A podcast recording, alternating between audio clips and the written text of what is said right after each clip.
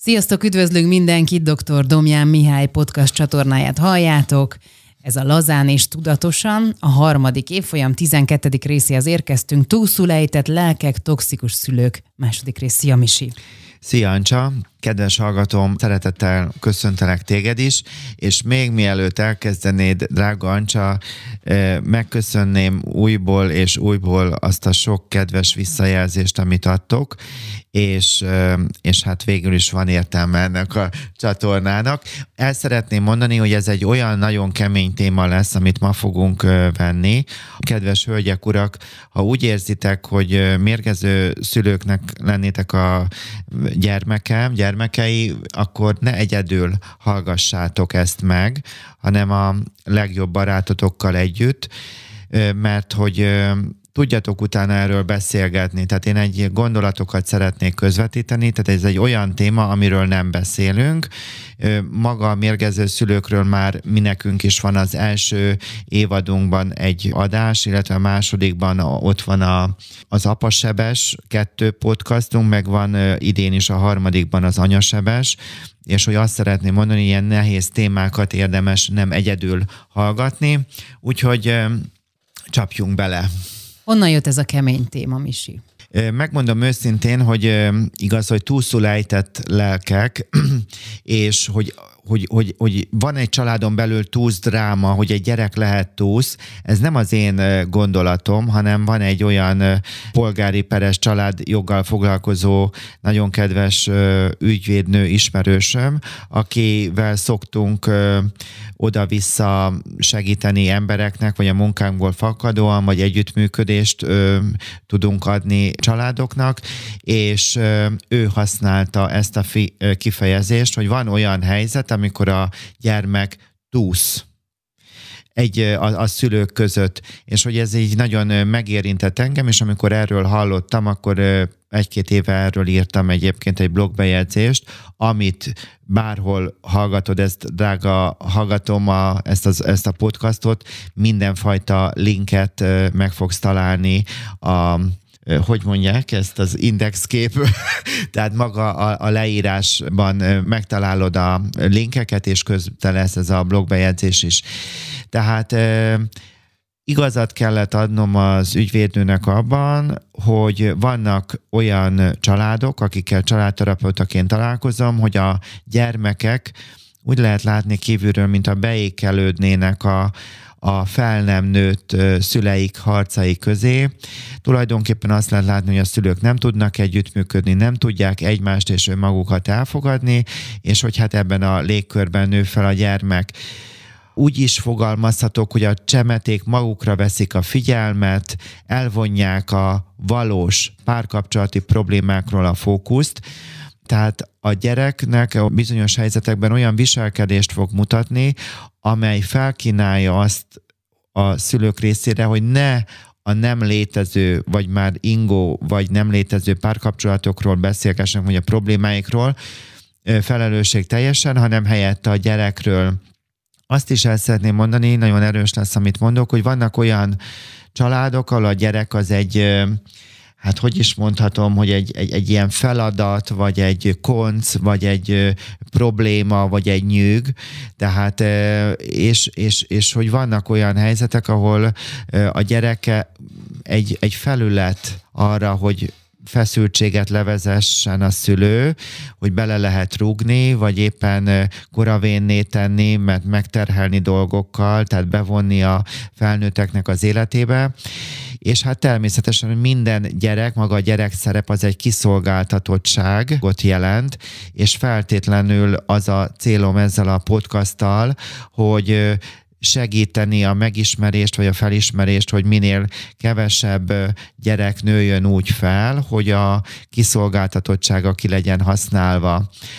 Hogyha visszamegyek a családterápiához, akkor triangulációnak hívjuk azt a helyzetet, amikor két szülő közötti feszültség csökkentésére bevonják maguk közé az egyik gyermeket, vagy akár kettőt, vagy amennyi van. Konkrétan ennek a trianguláció, tehát a trianguláció az azt jelenti, hogy hár, egy háromszög helyzet, tehát hogy normálisan van a, a, a szülők között igaz egy, egy duális kapcsolat, és hogy ebből lesz egy hármas egység, mert hogy bevonják maguk közé a gyereket, mi lehet ennek a hátterében, például magány, érzelmi távolság, megoldatlan párkapcsolati konfliktusok, tehát az, hogy igazániból lehetséges, hogy már nincs is egymáshoz semmi közünk, de nem beszélünk róla, mert hogy a gyerek felkínálja magát, hogy róla beszéljünk, vagy őt használjuk ki.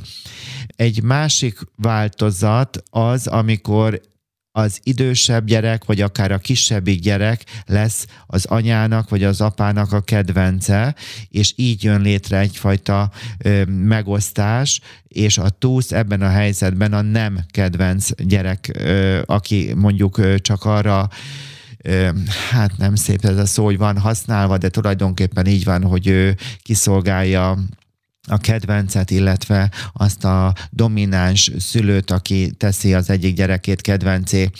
És hát azt sem szeretném vék alá rejteni, hogy nem véletlenül, hogy egy ügyvédnőn keresztül kaptam ezt a gondolatot, hogy túlszá válás, hiszen megtapasztaltam rendkívül sok fájdalmas helyzetet a vállásokkal kapcsolatosan, és az, a kliensek nek, hogyha tehát egyénileg segítek, akkor el szoktam mondani, hogy körülbelül a vállás bizonyos családoknál, nem lehet általánosítani, de számos családnál olyan, mint amikor kimennék a piacra, és megkérdezném, hogy hogy adod az almát.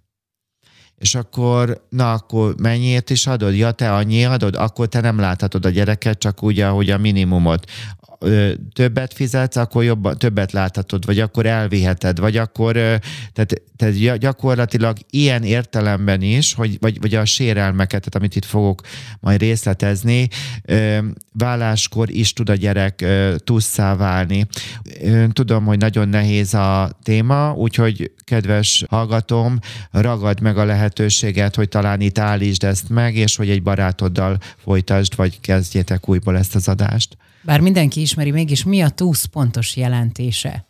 akciófilmekre, ha gondolunk, vagy ilyen kémes sztorikra, akkor igaz ott a kémes sztoriknál, vagy a, a túsz csere az, ami úgy elénk jöhet, hogy kicserélik a, hogy mondjam, az embereket milyen ilyen tárgyiasítás formában, de hogy, hogyha kicsit a lexikonok irányából közelítem meg, akkor van két definíció, ellenségnek biztosítékként átadott személy, ez az egyik definíció, és a másik, valaki, akit elfognak és rabságban tartanak, amíg bizonyos követelésüket nem teljesítik. Hát ez sajnos ez az, a, amiről szeretnék itt továbbiakban beszélni. Milyen módjai vannak a korábban említett triangulációnak? Három, három fő formája van. Tudom, hogy most ilyen családterápiás továbbképzést csinálok, de nem lehet az, hogy csak egy ilyen, vagy hát ez, ez egy ismeret terjesztő dolog, úgyhogy regalgatom nyugi, ki fogod bírni, és meg is fogod ismerni ezeket, vagy akár magadat is el tudod ebben helyezni. Első nagyon gyakori helyzet az a parentifikáció, az azt jelenti, hogy a gyermek pótszülővé válik, vagy a szülei szüleivé, vagy be van vonva a gyermek kvázi ő a házastárs vállás esetén, de vállás nélkül is ez egy nagyon gyakori helyzet. Nagyon negatív a gyerek részéről, hogy az életében, amikor ő felnövekedett, igaz, őt meg, meg fosztották az ő szülei kölcsönösen, mert kölcsönösen tud létrejönni, hogy az egyik szülő engedi, hogy a másik maga mellé túlságosan bevonja az, az egyik gyermeket, pótszülőnek vagy pótházastársnak, hogy az ilyen gyermekek felnövekedve a határaikat nem tudják tartani, és hogy igazándiból egy megrabolt gyerekkor jön létre, és nem, nem volt lehetőségük mondjuk tíz évesnek lenni, vagy tizennégynek, vagy húsznak, tehát hogy ezek nagyon szomorú helyzetek. A következő sem lájtosabb, erre is számos példa van, ezt úgy hívjuk, hogy overprotekció, túlvédés, amikor a szülők a házasságuk helyett a gyermeküket féltik túlságosan, tehát az, hogy van a szülőben egy egészséges féltés, azzal minden rendben van, de egy túlságosan rá van cuppanva, túlvédik a gyermeküket, úgy mondják ezt köznapi értelemben, úgy mondjuk, hogy egy búrában nevelik. Hát belegondolhatunk, hogy hány szerencsétlen gyerek nő fel búrában, plusz a gyermek tünetei elterelhetik a szülők figyelmét egymásról, tehát amit mondtam, és a harmadik, a, amely a triangulációnak egyfajta megjelenése lehet, ami szintén hát egyáltalán nem ritka, ez a bűnbak képzés.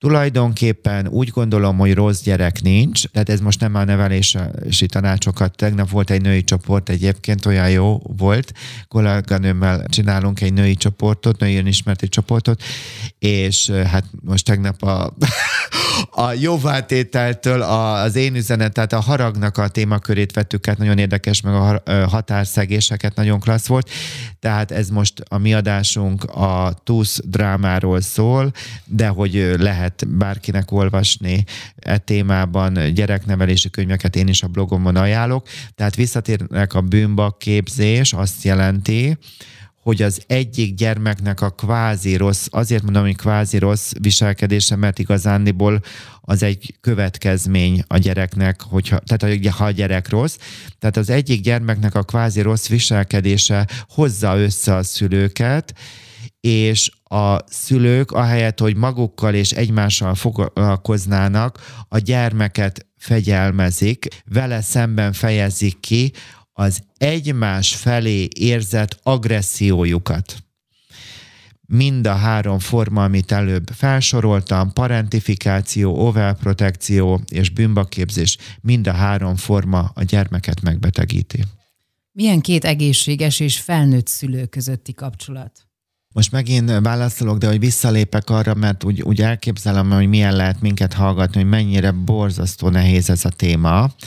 Úgyhogy továbbra is megerősítenélek abban, ezt most jó meghadartam ezt a magyar szavakat, hogy ha te szülőként hallgatod, akkor megnyugtatlak abban, hogy te nem tudsz lenni toxikus szülő, mérgező szülő. Tehát ezt, ezt az adást egy mérgező szülő nem képes végighallgatni. Tehát ez az egyik dolog, amit szeretnénk mondani. A másik, hogy a felismerés, az mindig 51 százalék az én hipotézisem szerint. Tehát, hogy fel kell tudnunk dolgokat ismerni, néven kell nevezni, akkor is, hogyha én egy toxikus családban nőttem fel, és igaz, azt is elárulnám, hogy toxikus, tehát mérgező szülőknek a gyermekeik is valahogyan tovább viszik ezt a mérgezést a saját felnőtt életükbe, és hogy ők maguk is mérgezővé válnak, mind mások, mind önmagukkal szemben. Bizonyos szintig ez nem fekete-fehér, de mégis kell erről beszélni. Úgyhogy, hogy mondjam, kellemetlen erről beszélni, de nem tudok nem erről is beszélni, mert nem lehet mindig csak a sikerről, vagy azt sem tudom, hogy nem is volt még sikerrel kapcsolatos podcastunk, szóval ilyen lájtos témát, úgyhogy fel kell ismernünk azt, ami, ami van, vagy ami nincs. Nos, tehát, hogy kérdezted, hogy milyen két egészséges és felnőtt, felnövekedett, felnőtt embernek a szülő között a kapcsolat, nagyon lényeges, és meghallani ezt is a családterápiából veszem, hogy két felnőtt ember kettő szinten kötődik egymáshoz. Az egyik szint az, hogy feleség és férj, ez egy szerep, a másik szé- ö, szint anya és apa. Persze lehet mondani, hogy de mi sose házasodtunk össze. Hát most gondolom, hogy nem a gólya hozta a gyereket, tehát hogy valamilyen fajta férj-feleség szint akkor is megvolt, ha együtt éltetek, vagy élettársként, vagy tehát, hogy most nem ezekbe kell belekapaszkodni, ezt kell megérteni, hogy két egészséges felnőtt ember, aki vállal gyermeket, ha csak nem egy diszkós történetben születik meg egy gyermek, két szinten kötődik egymáshoz, feleségként és anyaként, illetve félként és apaként egymáshoz.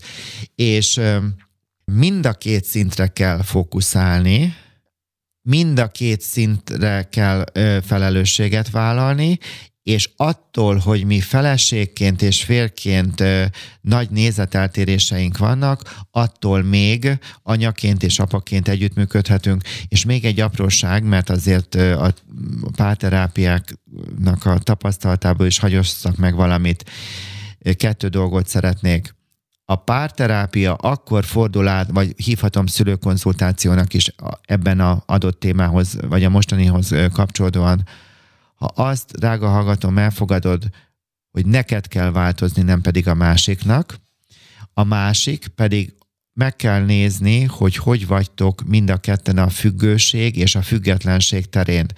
Egy egészséges kapcsolatban lehetőség van arra, hogy meg tudjuk örömmel érni, hogy mi függünk egymástól, és ugyanakkor legyen egy felépített, autonóm, független énünk is. A gyermekek szemszögéből ez mit akar? Attól, hogy a, esetlegesen a felnőttek, a, tehát amit már előbb érintettem, hogy a házastársi szerepben harcolnak egymással, még tudnak szülőként, most nem búrát szeretnék mondani, mert azt elmondtam az overprotekciónál, hogy az káros, hanem végül is valamilyen szimbolikusan egy olyan éltető oázist, szimbolikusan éltető oázist a gyereknek létrehozni, ahol a gyerek tud gyerek lenni, persze lennek szabályok, szabályszegéseknek is legyen következménye, de hogy, hogy a gyerek lehessen gyerek. Tehát tulajdonképpen a családterapeutának az a feladata, hogy a gyereket kivegye ebből a bármilyen túlszerepből, mondjuk ez a ügyvédnőnek a kifejezése, mi mondjuk inkább ezt a triangulációt használhatnánk, de hogy ki kell tudnunk venni a gyereket, hogy ő csak lehessen gyerek. Annyi negatív példát tudnék mondani, amikor egy kislány elkezdett nyolc évesen újból babázni, tehát hogy és akkor az anya volt rácsodálkozva, hogy az ő gyereke eddig még sose babázott, és szóval, hogy, eh, tehát, hogy mindenki lehessen annyi éves, amennyi, és hát a szülőket is ez az kell, hogy fel kell ö, növeszteni, és ö, és vannak olyan helyzetek, amikor nem csak ö, külön kell szedni ezt a szintet, hogy, hogy a férj és a feleség kapcsolatban, ha van konfliktus, érzelmi intelligenciával külön veszem, és attól még szülőként, és tehát anyaként, apaként együttműködünk, hanem még ezen ha részletezem, hogy adott helyzetben a két embernek együtt kell tudnia, nem csak együttműködni, hanem a gyerek elé odaállnia, és mondjuk a szabályokat közvetíteni vállás esetén is. Tehát, hogy, hogy a szülőknek kell, hogy legyen közös véleményük is a gyerekek érdekében. Tehát ez a kulcs, a gyerekek érdekét kell eh, nézni. Hogyan válhatnak képessé erre?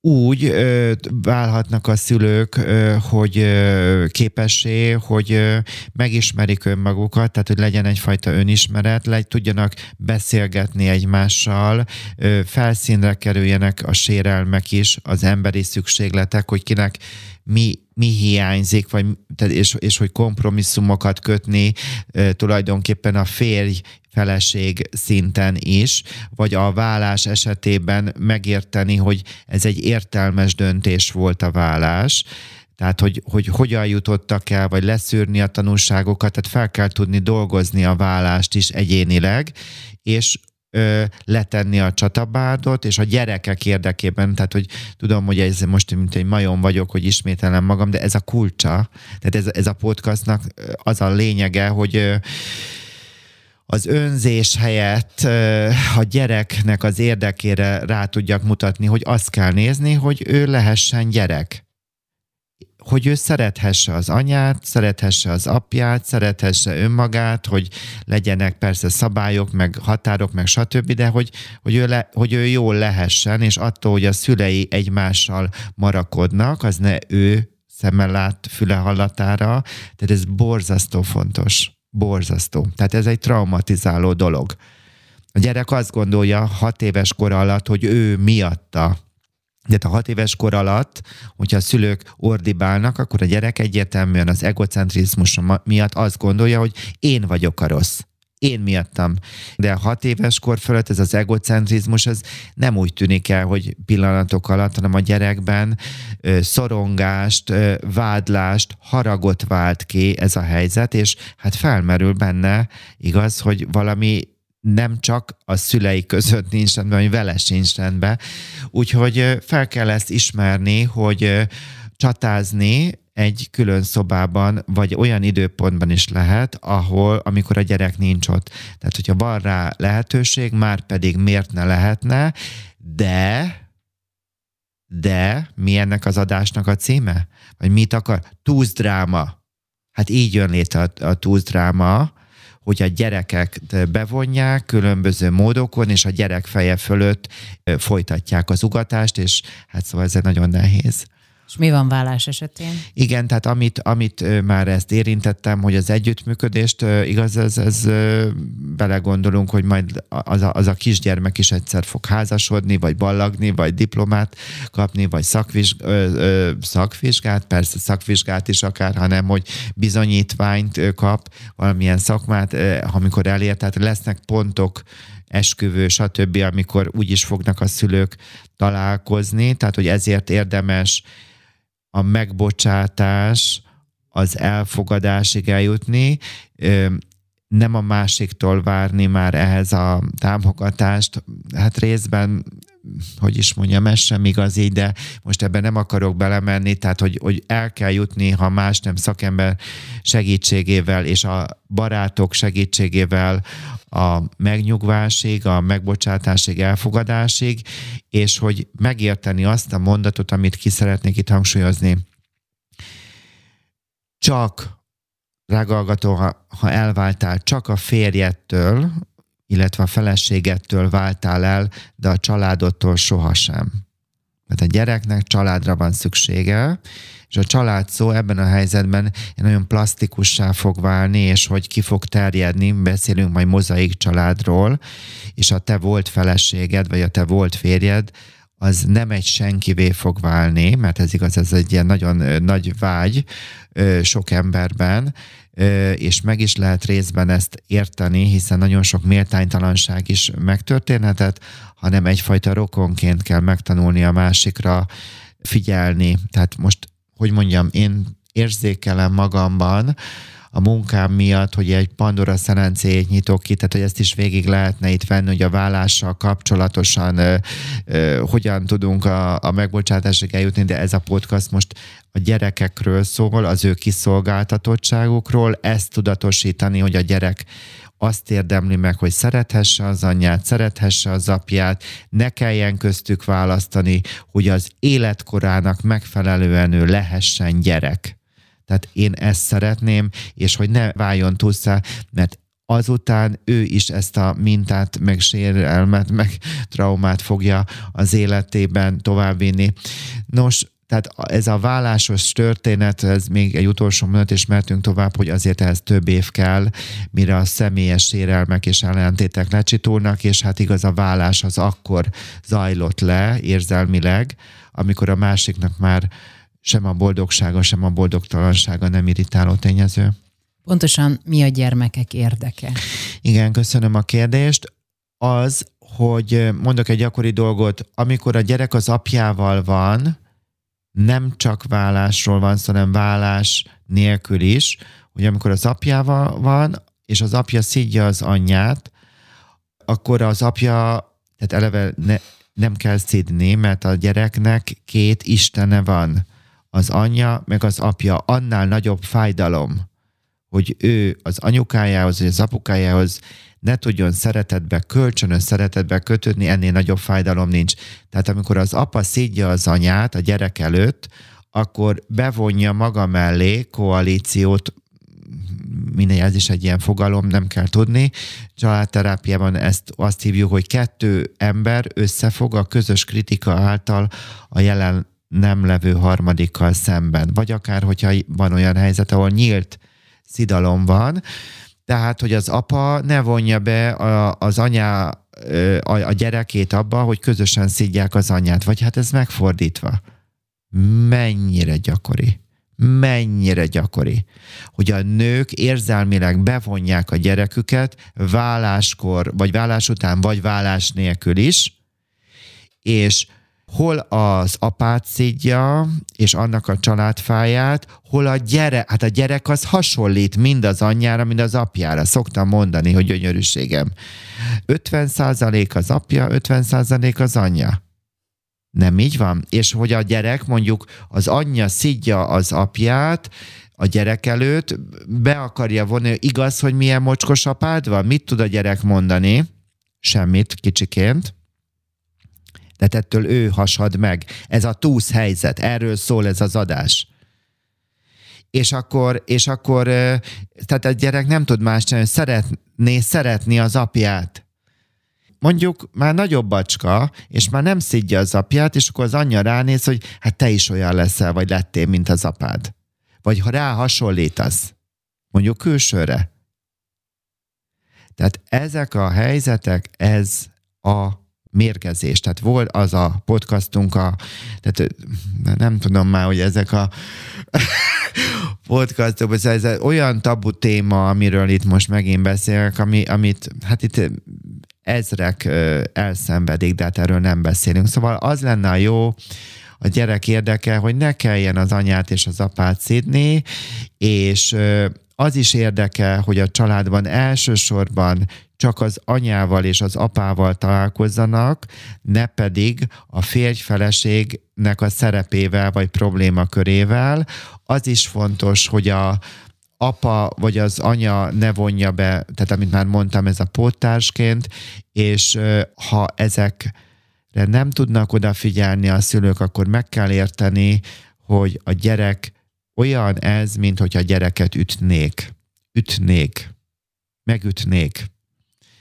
Úgyhogy fontos erről beszélni. Még egy eszembe jutott, amikor a, valaki szidja a gyerek előtt a másiknak az új párját, vagy, tehát ez ilyen össze-vissza, meg a volt nagymamát, meg a, szóval fogadjuk már el, hogy a gyerek szeretne kötődni. A gyerek szeretne békességben élni, szeretne szabályokat, és szeretné azt, hogy ő kapjon minőségi időt, és drága szülő, hiába vetted meg a legót, meg a Barbie babát, meg vitted el a Csúszda parkba, az a Csúszda parkba, és úgy vitted el, hogy elengedted a kezét. A gyereknek nem Csúszda parkra, legóra, meg Barbira van szüksége, hanem hogy minőségi időre, hogy akkor drága szülő, te ne a telefont nyomkod, hanem akkor legyél vele tehát, hogy minőségi idő. Ha nem kap a gyerek minőségi időt, nem kap figyelmet, nem kapja meg a békességet, a nyugalmat, nem tud felszabadult lenni, akkor ütöd a gyerekedet,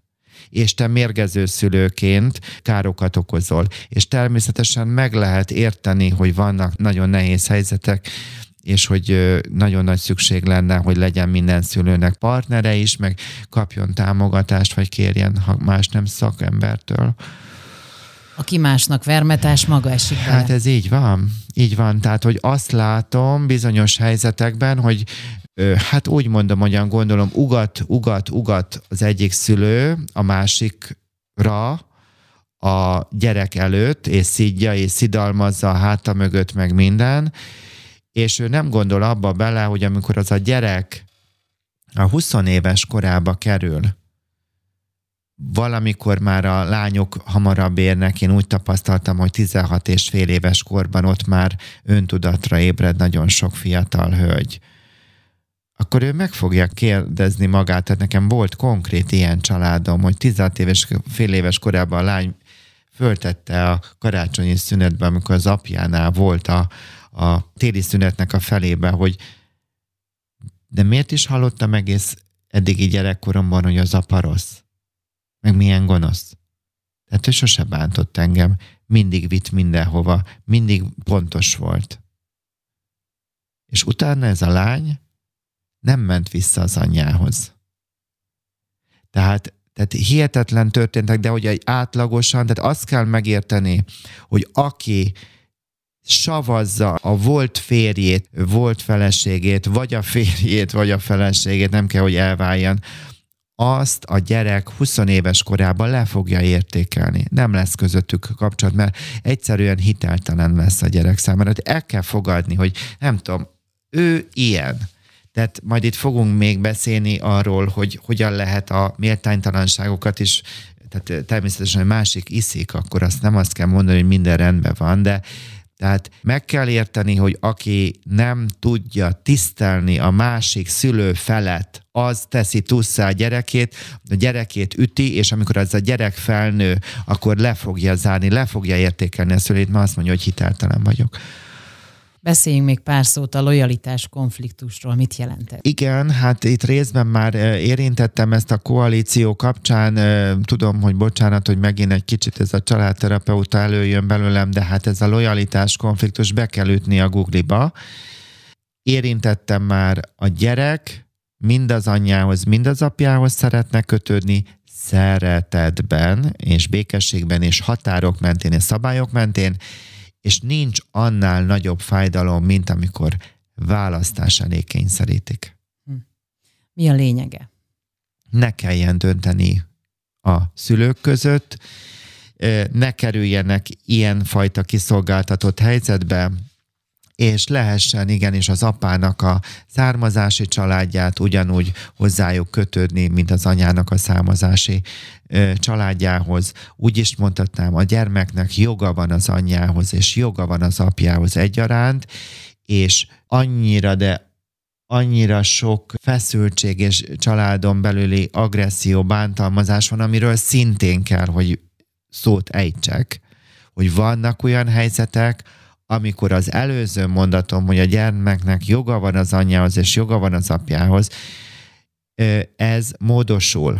Tehát vannak olyan helyzetek, amikor az el, elutasítás, a bántalmazás, az agresszió, a, az elhanyagolás, tehát nagyon sok minden olyan mértékű, amely által egy apa vagy egy édesanya elveszíti a jogosultságát arra, hogy őt apának vagy anyának hívjuk.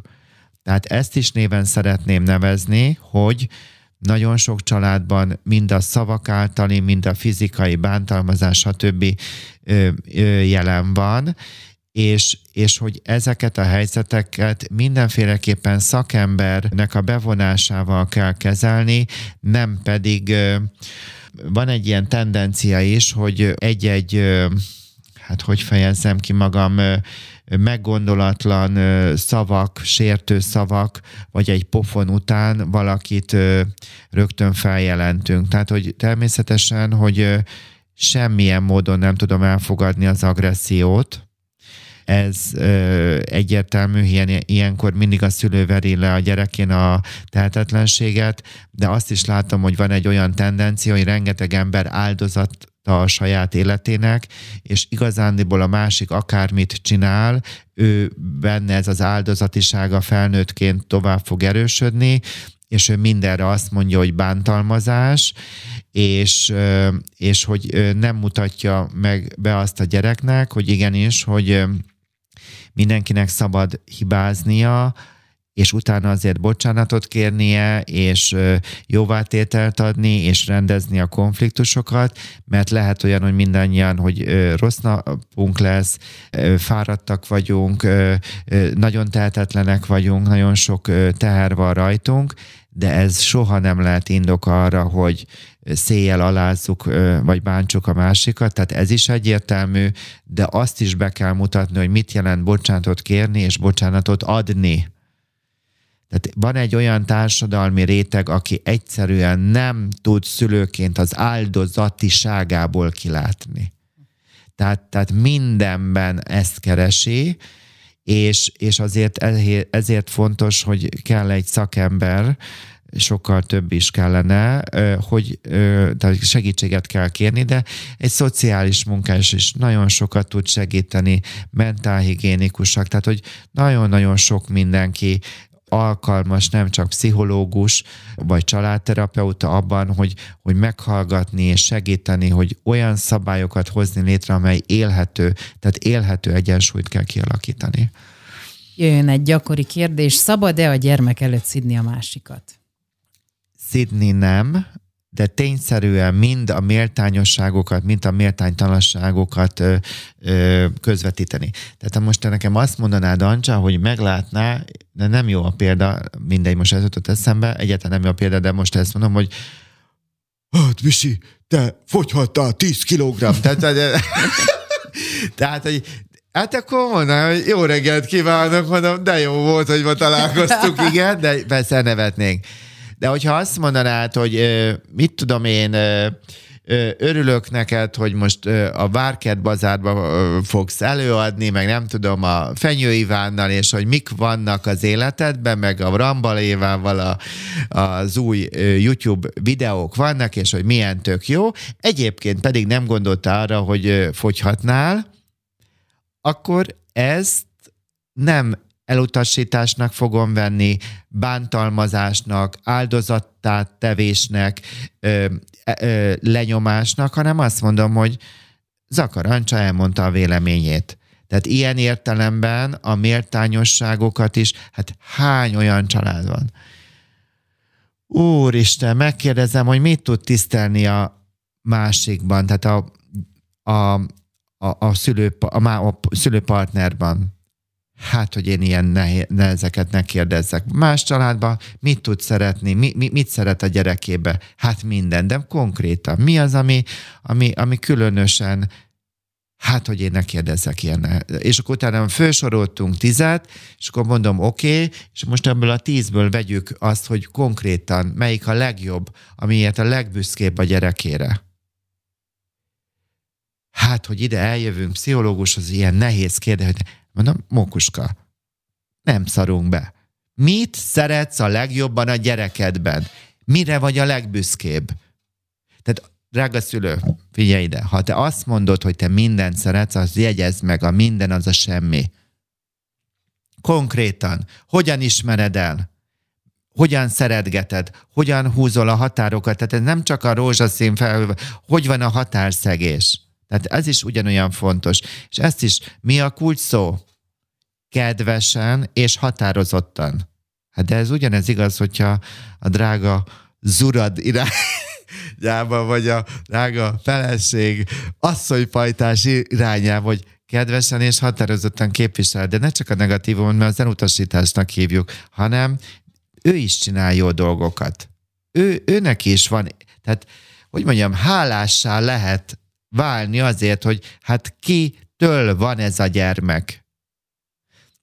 Egy édesanyja szülte, egy édesapa nemzette. Miért? Egy édesapa nem kellett ehhez, egy édesanyja nem kellett ehhez a ajándékhoz, amely a gyerek, ez egy, az ajá, a gyerek egy áldás, egy ajándék. Hát ha igen, akkor mégiscsak van neki valamilyen jó tulajdonsága, hogy ő ebbe benne volt. Jaj, de hát ő nem is tudta, hogy te... Mi, nyugalom. Ez a gyermeknek, hogy ő megszülethessen, kellett egy anya és egy apa. És igenis, hogy apaként hálás lehetsz azért a hölgyért, illetve fordítva. És még egy dolog, most tiszta családterapeuta vagyok, ezt a nem biztos, hogy minden családterapeuta ezt a topikot most fogja tudni, de ö, ö, segítem őket is. Szoktam kérdezni, mit ad önnek a gyermeke? Mit ad önnek? Semmi válasz. Mégis mi az, amit ő általa el tud önmagáról mondani? A válasz semmi nem szokott lenni, de utána csak segítek az, hogy én elmondhassam magamról, hogy én apa vagyok, vagy anya. Tehát Böszörmégyi Nagy Iván nevét sokszor szoktam mondani, az ő neki a munkásságán Amerikában ért magyar professzor, a munkásságán keresztül a gyerek 0-24 órában adja azt a élményt és ajándékot, hogy drága hallgatom, hogy te anyának vagy apának érezheted magad. Ezért a gyerekért mindig hálás lehetsz, és hálát adhatsz azért, hogy ő van, és ő adja neked az anya szerepet, vagy az apa szerepet, és az, hogy ő egyébként mondjuk nagyon virgonc, vagy kvázi rossz, hát igen, Igen, de lehet, hogy te is olyan rossz szacska voltál, vagy a te anyád, vagy apád, vagy a férjed, feleségednek a szülei, mert hogy általában ilyen, ilyen kettős ugrás van, tehát hogy a, a, a nagyszülőknek a, a jelleméből nagyon sok minden megjelenik a gyereknél, igen, és? Na de hogyha én úgy állok hozzá, hogy én örülök, hogy ő van, hogy én hálás vagyok, akkor sokkal könnyedebben tudok kedves és határozott lenni a határhúzásban.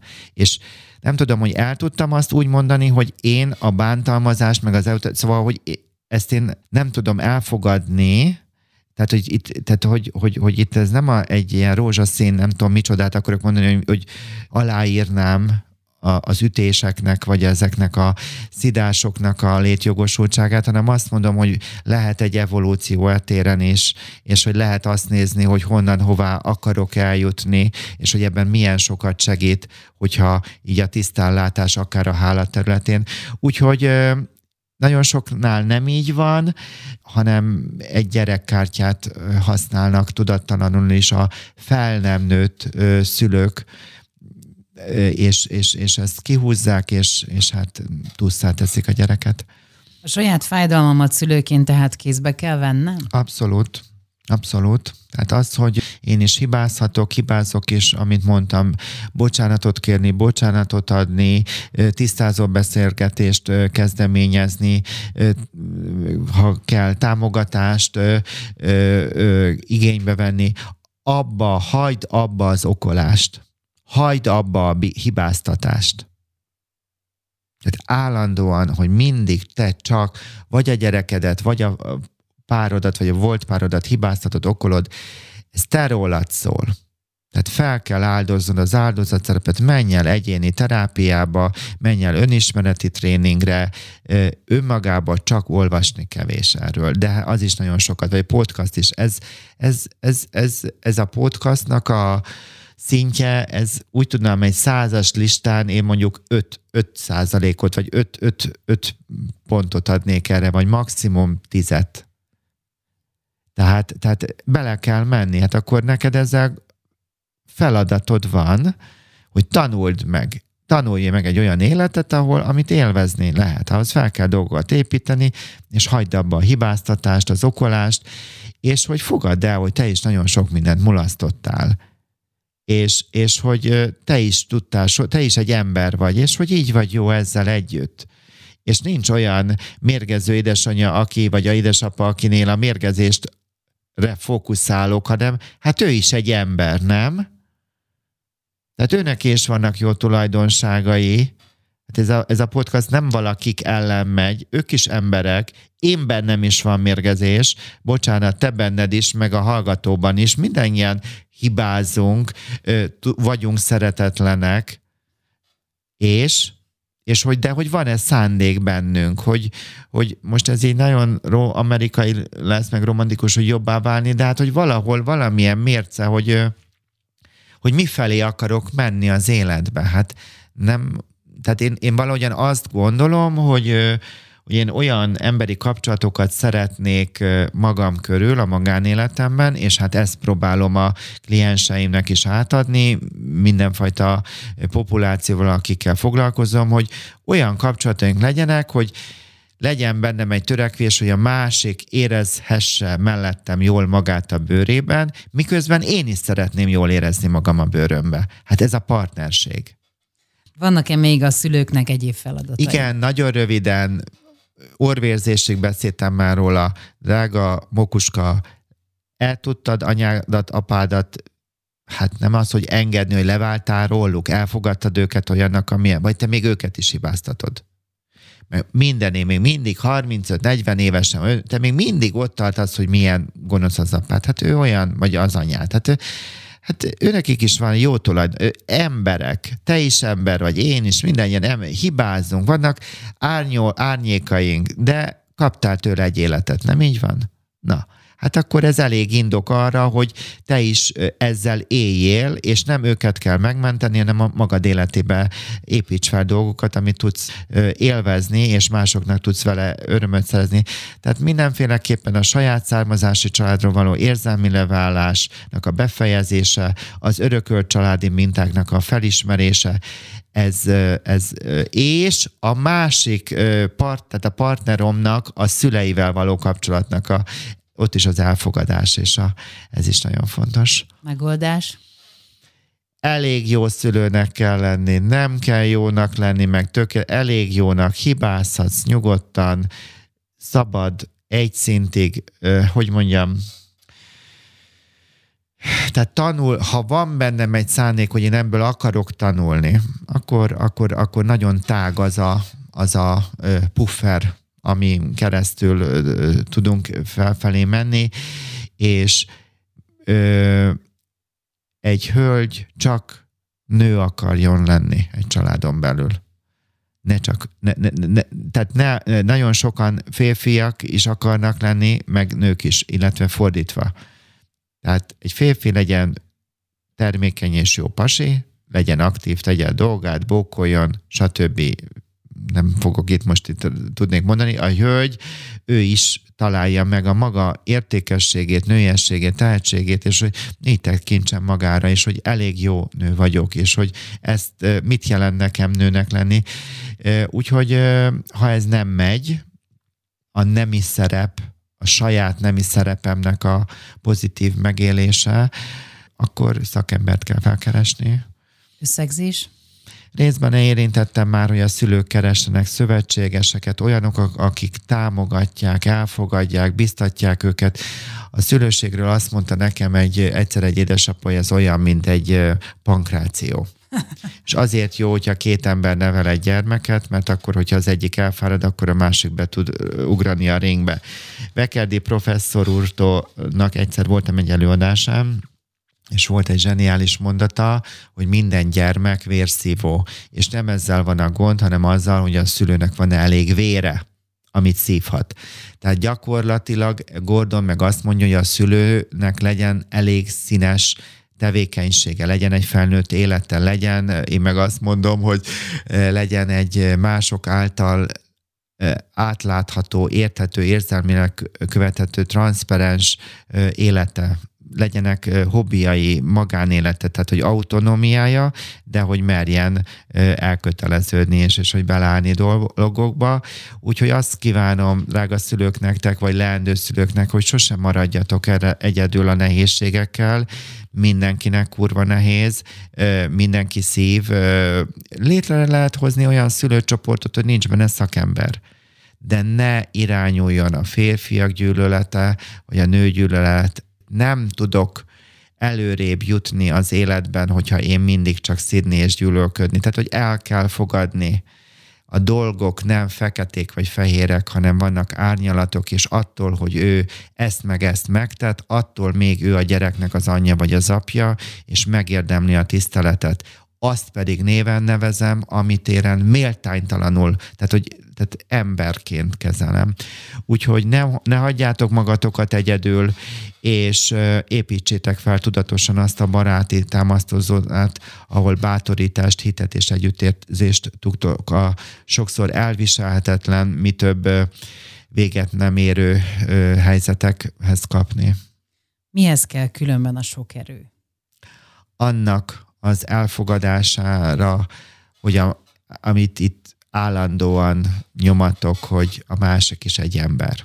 És hogy nem mindig azt teszi, már, már a másik, az akár a gyerekre is vonatkoztathatom, vagy a másik szülőfélre, vállás esetén, vagy vállás nélkül is, hogy nem mindig azt teszi, amire szükség lenne, hanem amit tenni tud. De hát ez ugyanúgy igaz én rám is el tudtam mondani ezt így pozitívan, ezt a remény, vagy, vagy, vagy... Szerintem igen, szerintem nagyon felszabadító lett így a vége, legalábbis az én lelkemnek tehát, mindenképpen. Tehát, tehát, hogy úgy érzem, hogy zárszóként én itt egy veszek a, ezt az idézetet a blogbejegyzésemben, nem tudom hány éve írtam, de majd majd megnézem, hogy ez a vége, hogy, hogy ha nem tudsz repülni, hát fuss Ha nem tudsz futni, hát gyalogolj.